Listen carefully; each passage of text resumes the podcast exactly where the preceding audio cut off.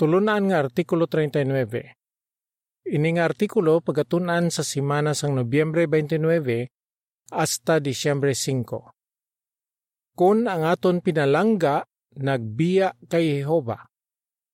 Teksto nga ginbasihan sini nga artikulo. Permi nila ginasakit ang iya balatyagon. Salmo 78.40 Ang bahanon 102 Buligan ang mga maluya ang binagbinagon sa sining artikulo. Masubo gid kung ginbiyaan sa aton pinalangga si Jehova. Binagbinagon sa sining artikulo kung anong ginabatsyag sa aton Dios kung matabo ini. Hibaluon naton kung anong pwede himuon sang pamilya sang na disfellowship para maggaganhagan ang kasakit nga ila ginabatsyag kag para magpabilin nga mabagod ang ila pagtuo. Binagbinagon man sa sining artikulo kung anong pwede himuon sang tanan nga kauturan sa kongregasyon para mapaumpawan kag mabuligan ang pamilya sang na disfellowship. Para po uno, pamangkot. Ano ang ginabatyag sang pamilya sang na disfellowship? May pinalangga kabalangan na disfellowship sa kongregasyon? Grabe gid ni kasakit. Ang isa ka sister nga si Hilda nagsiling. Sang napatay nga akon bana, Abi ko amo na to ang pinakamasakit nga maeksperiensyan ko sa akon kabuhi. Kay man, 41 katuig kami nga nagupdanay bilang mag-asawa. Pero sang na disfellowship pang akon anak kaginbiyaan niyang iasawa kagangila kabataan, mas masakit pagid gali ini. Para po dos kag tres pamangkot. Suno sa Salmo 78:40 kag 41, ano ang ginabatyag ni Jehova kung may alagad siya nga nagbiya sa iya? Huna-huna ang kasakit nga ginbatyag ni Jehova sang ginsikway siya sang pila ka anghel nga miyembro sang iya pamilya. Kagimagina ang iya kasubo sang sulit-sulit nga nagrebelde sa iya ang mga Israelinhon nga iya pinalangga nga katawhan. Ang Salmo 78:40 kag 41 nagasiling. Perme sila nagarebelde sa iya sa kamingawan, kag ginasakit nila ang iya balatyagon sa disyerto. Sulit-sulit nga gintilawan nila ang Dios, kag ginpasubo nila ang balaan sang Israel. Sigurado gid nga nasakitan man ang aton mahigugmaon nga amay sa langit, kon may pinalangga ka nga nagbiya sa iya. Nahangpa niya nga nasubuan ka. Naluoy siya sa imo. Gani paligunon ka niya kag buligan. Sa sining artikulo, binagbinago naton kung anong pwede naton himuon para mabato naton ang bulig ni Jehova kung may pinalangga kita nga naguntat sa pag-alagad sa iya. Binagbinagon man naton kung paano naton mabuligan ang mga kauturan nga may paryente nga na disfellowship. Pero binagbinago nanay naton ang pila ka panghuna-huna nga dapat naton likawan. Ari ang patag sa picture nga gingamit para sa parapudos kag tres. Ginbiyaan sang isa ka brother ang iya pamilya kag si Jehova. Gani na subuan gid ang iya asawa kag kabataan. Ang caption sini nga picture nagasiling. Nahangpa ni Jehova nga grabe gid ang imo kasubo sang na disfellowship pang imo pinalangga.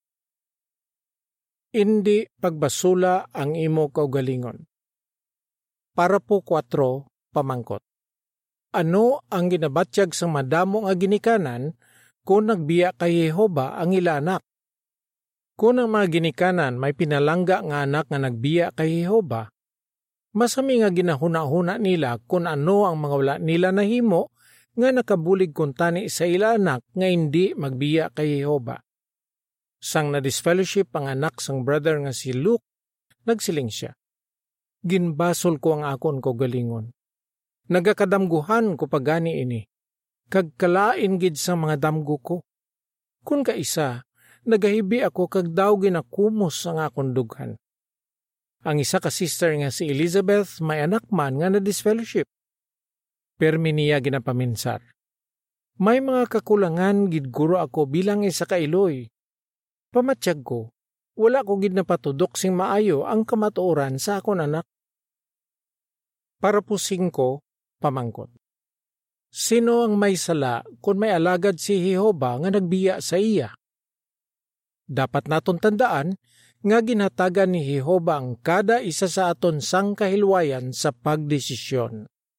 But silingon, depende sa aton kung balatumano naton siya o kung hindi. May pila ka kabataan nga nagdesisyon nga alagaron si Jehova sing matutom bisan pa hindi maayong halimbawa ang ila mga ginikanan.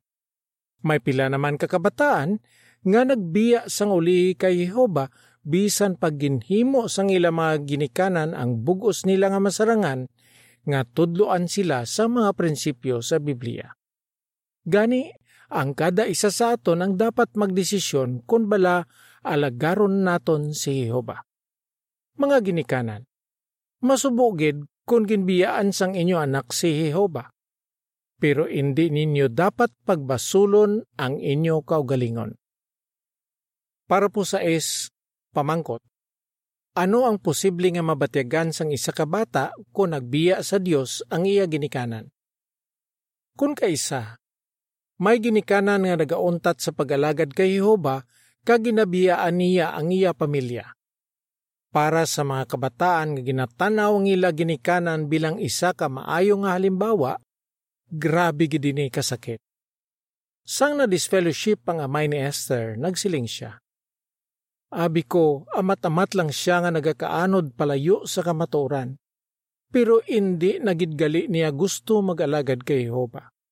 Gani pirmi ako nagahibi. Palangga ko nga ako namay. Gani isang na-disfellowship siya, pirmi ko ginapamensar kung kamusta ang iya sitwasyon.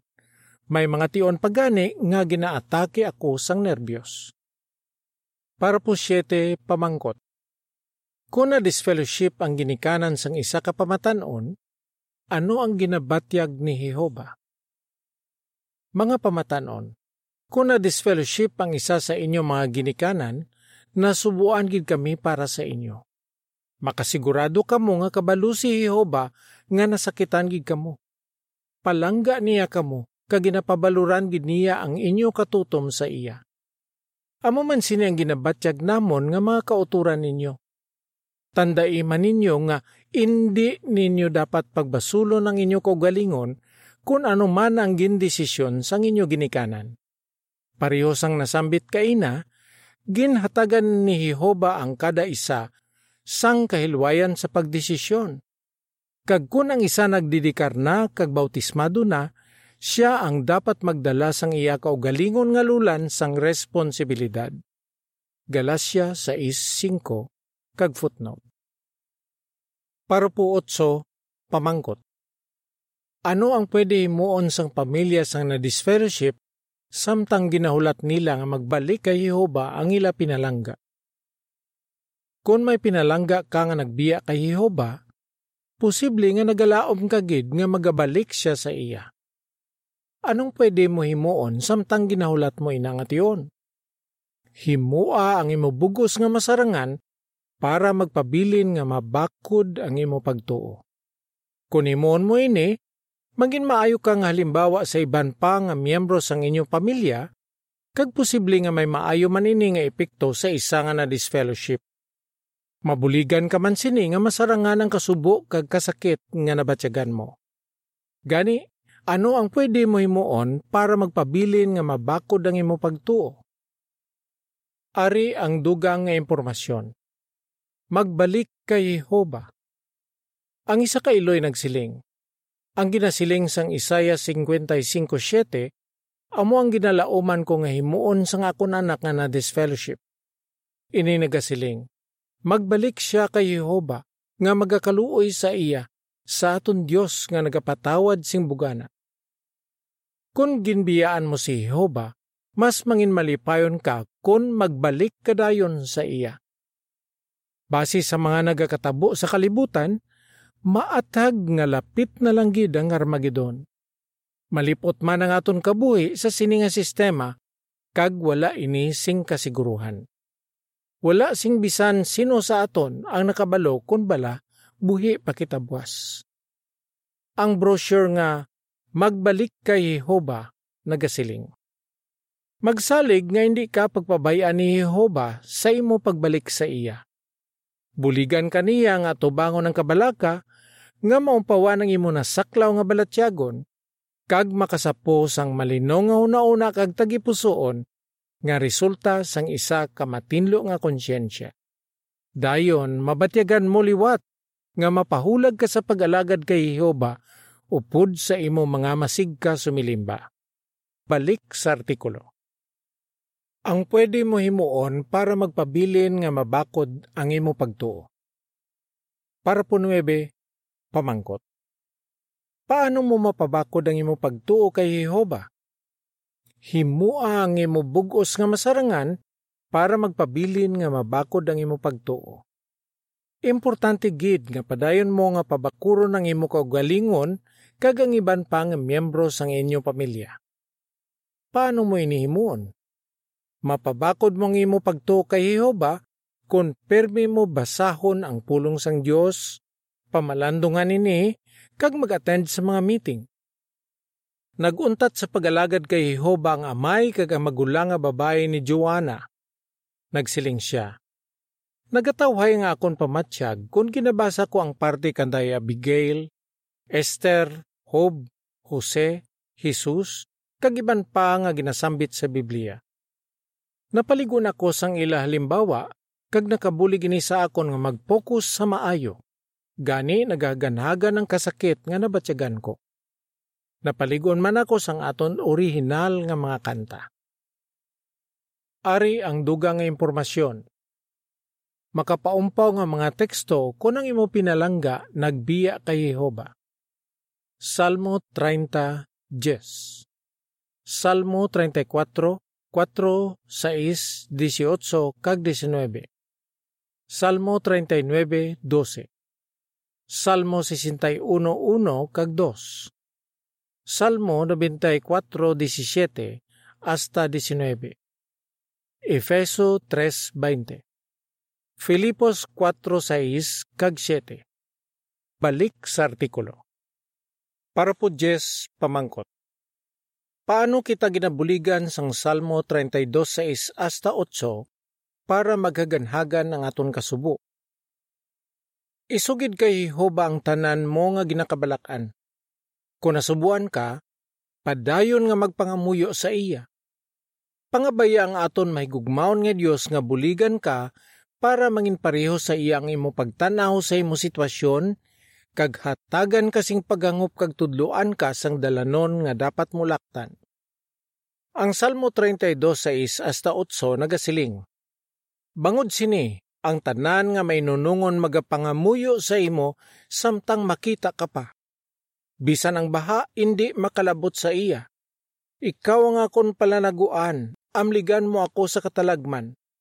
Palibutan mo ako sang malipayon nga mga singgit sang kaluwasan nagsiling ka, hatagan ko ikaw sing paghangop kag tudloan ko ikaw sang dalanon nga dapat mulaktan. Laygayan ko ikaw samtang nagatulok ako sa imo. Matuod, posible nga mabudlayan ka sa pagsugid kay Jehova sang imo nabatyagan. Pero nahangpan gid ni Jehova kung daw ano kasakit ang imo ginabatyag. Palangga kagid niya kag ginapaligon kaniya nga isugid sa iya ang imo na batyagan. Para po 11 pamangkot. Suno sa Hebreo 12.11 nga dapat kita magsalig sa mahigugmaon nga pagdisiplina ni Jehova. Magpasakop sa desisyon sa mga gulang. Ang pagdisfellowship, isa ka paagi ni Jehova sa pagdisiplina sa iya katawhan. Ginahimo niya ini bangod palangga niya sila.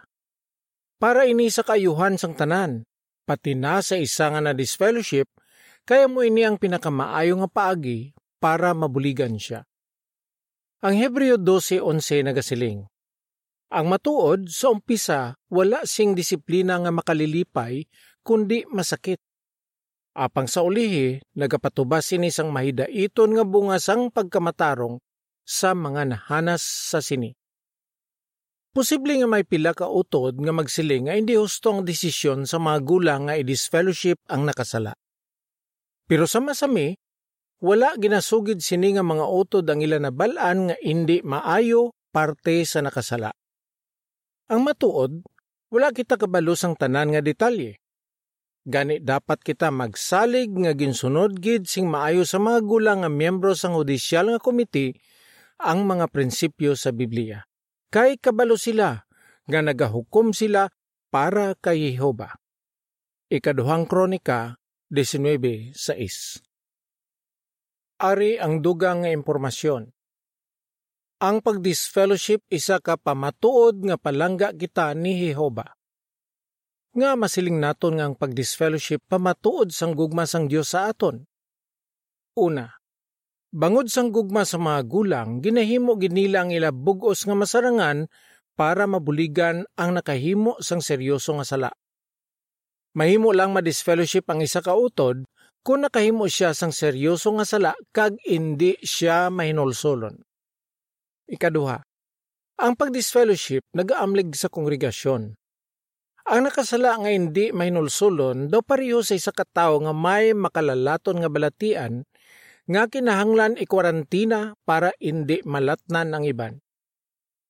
Ikatlo, pagi sa pagdisfellowship sa nakasala, mahimo siya mapaligon nga maginulsol.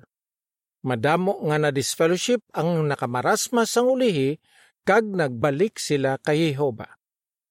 Ikapat, kung ang isa nga nakahimo sang seryoso nga sala maginulsol kag magbalik, nalipay gid si Jehova, si Jesus, kag ang mga anghel, kag ginaabi-abi siya liwat sa kongregasyon balik sa artikulo. Para po 12, pamangkot. Ano ang maayo nga resulta nga na-eksperyensyahan sang iban bangod ginsunod nila ang sugo nga hindi makigupod sa na-disfellowship? Kung magpasakop ka sa desisyon sa mga gulang sa pag-disfellowship sa imo pinalangga, posible nga mabuligan mo gid siya nga magbalik kay Jehova. Nagalalain gid kami kay hindi namon pwede istoryahon ang amon anak siling ni Elizabeth nga ginsambit kay ina.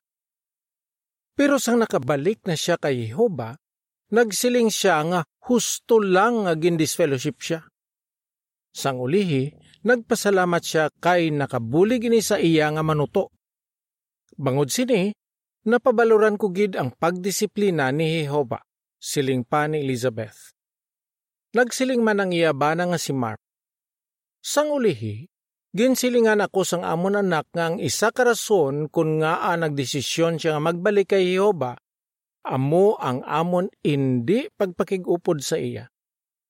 Nalipay gid ako nga ginbuligan kami ni Jehova nga mangin matinumanon sa iya.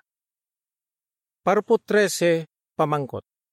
Ano ang makabulig sa imo para maghaganhagan ang kasakit nga imo nabatyagan? Makigistorya sa imo mga abyan nga makaintindi sang imo na batyagan. Makigupod sa hamtong nga mga kauturan nga makabulig sa imo nga hindi madulaan sang paglaom. Si Joanna nga ginsambit ka ina nagsiling. Pamatsyag ko daw nagaisahanon ako. Pero nakabuligid sa akon ang pagpakigistorya sa akon mga abyan nga ginasaligan ko. Pero ano ang pwede mo himuon kung may nahambal sa imong iban nga kauturan nga nagpasakit pagid sa imo balatyagon? Para po 14, pamangkot. Nga dapat naton padayon nga batason ang isa kag isa kag magpinatawaray sing kinabubuton. Mangin mapinasinsyahon sa imo mga kauturan. Kay man, may mga tion nga hindi husto ang ila mahambal. Tanan kita hindi perpekto. Gani posible nga nabudlayan ng iban kung ano ang ila ihambal.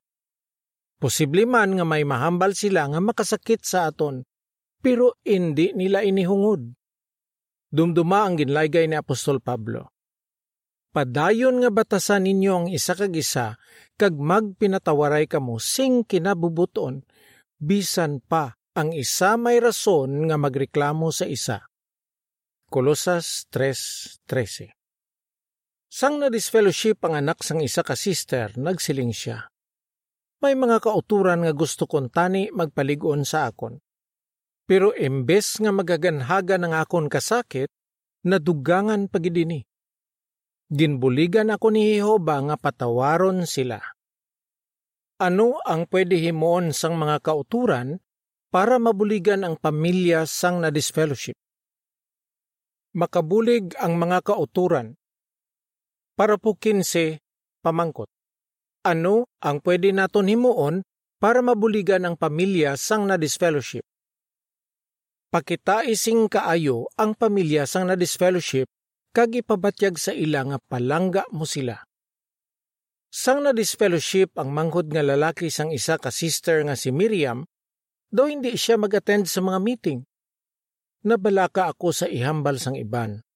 Pero madamo nga kauturan ang nasubuan man sa natabo sa akon manghod nga na disfellowship, kag hindi sila akig sa iya.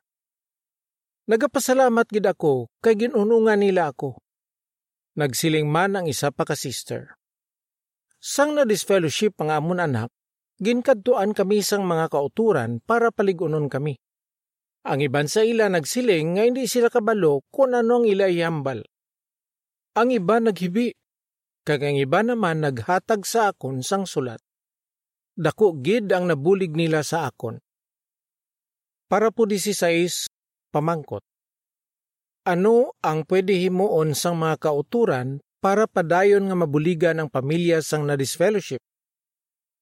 padayon nga bulige ang pamilya sang na disfellowship. Kinahanglan gid nila subong ang imo pagpalangga kag pagpaligon. Kung kaisa, nagasiling ang pamilya sang na disfellowship nga wala na sila ginaistorya sang pila ka kauturan, kag pamatsyag nila, daw gin disfellowship man sila.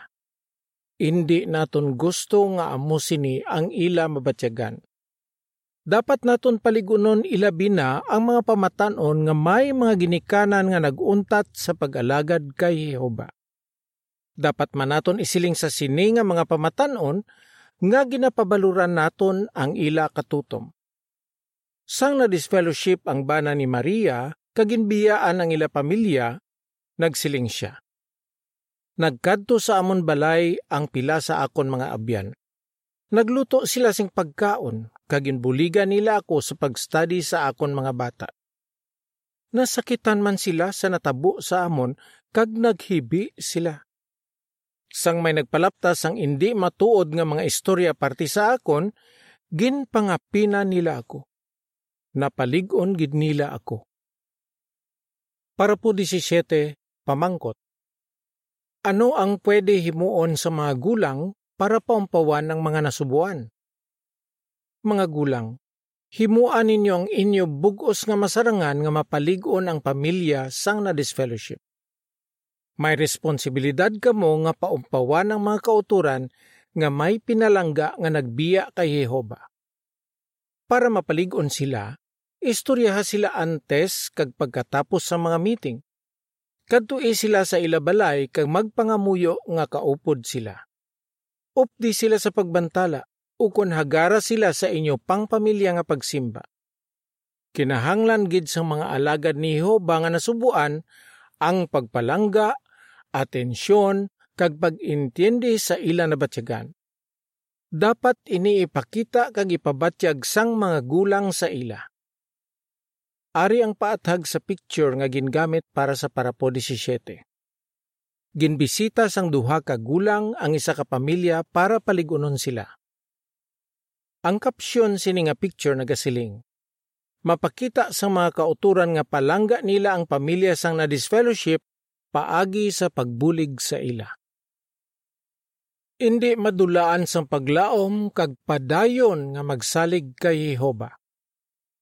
Para po 18, pamangkot. Suno sa ikaduhang Pedro 3.9, ano ang gusto sang Diyos nga imuon sang mga nagbiya sa iya.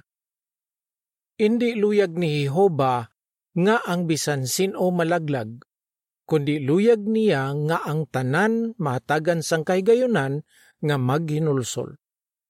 Ang ikaduhang Pedro 3.9 nagasiling, Si Jehova, hindi mahinay may kaangtanan sa iya saad, kaangay sang ginahuna-una sang pila ka tao. Sa baylo, mapailubon siya sa inyo bangod hindi niya luyag nga ang bisan sino malaglag, kundi luyag niya nga ang tanan mahatagan sang kahigayunan nga magginulsol. Bisan pa makahimo sang seryoso nga sala ang isa ka tawo, ginapabaluran gihapon sang Dios sang iya kabuhi. Tandai nga dako gid ang ginbayad ni Jehova para sa kabuhi sang kada isa sa aton bisan pa makasasala kita. Amo ini ang halad gawad sang iya pinalangga nga anak. Naluoy si Jehova sa mga nagbiya sa iya. Gani gusto niya sila buligan nga magbalik sa iya. Nagalaom siya nga magdesisyon sila nga magbalik sa iya.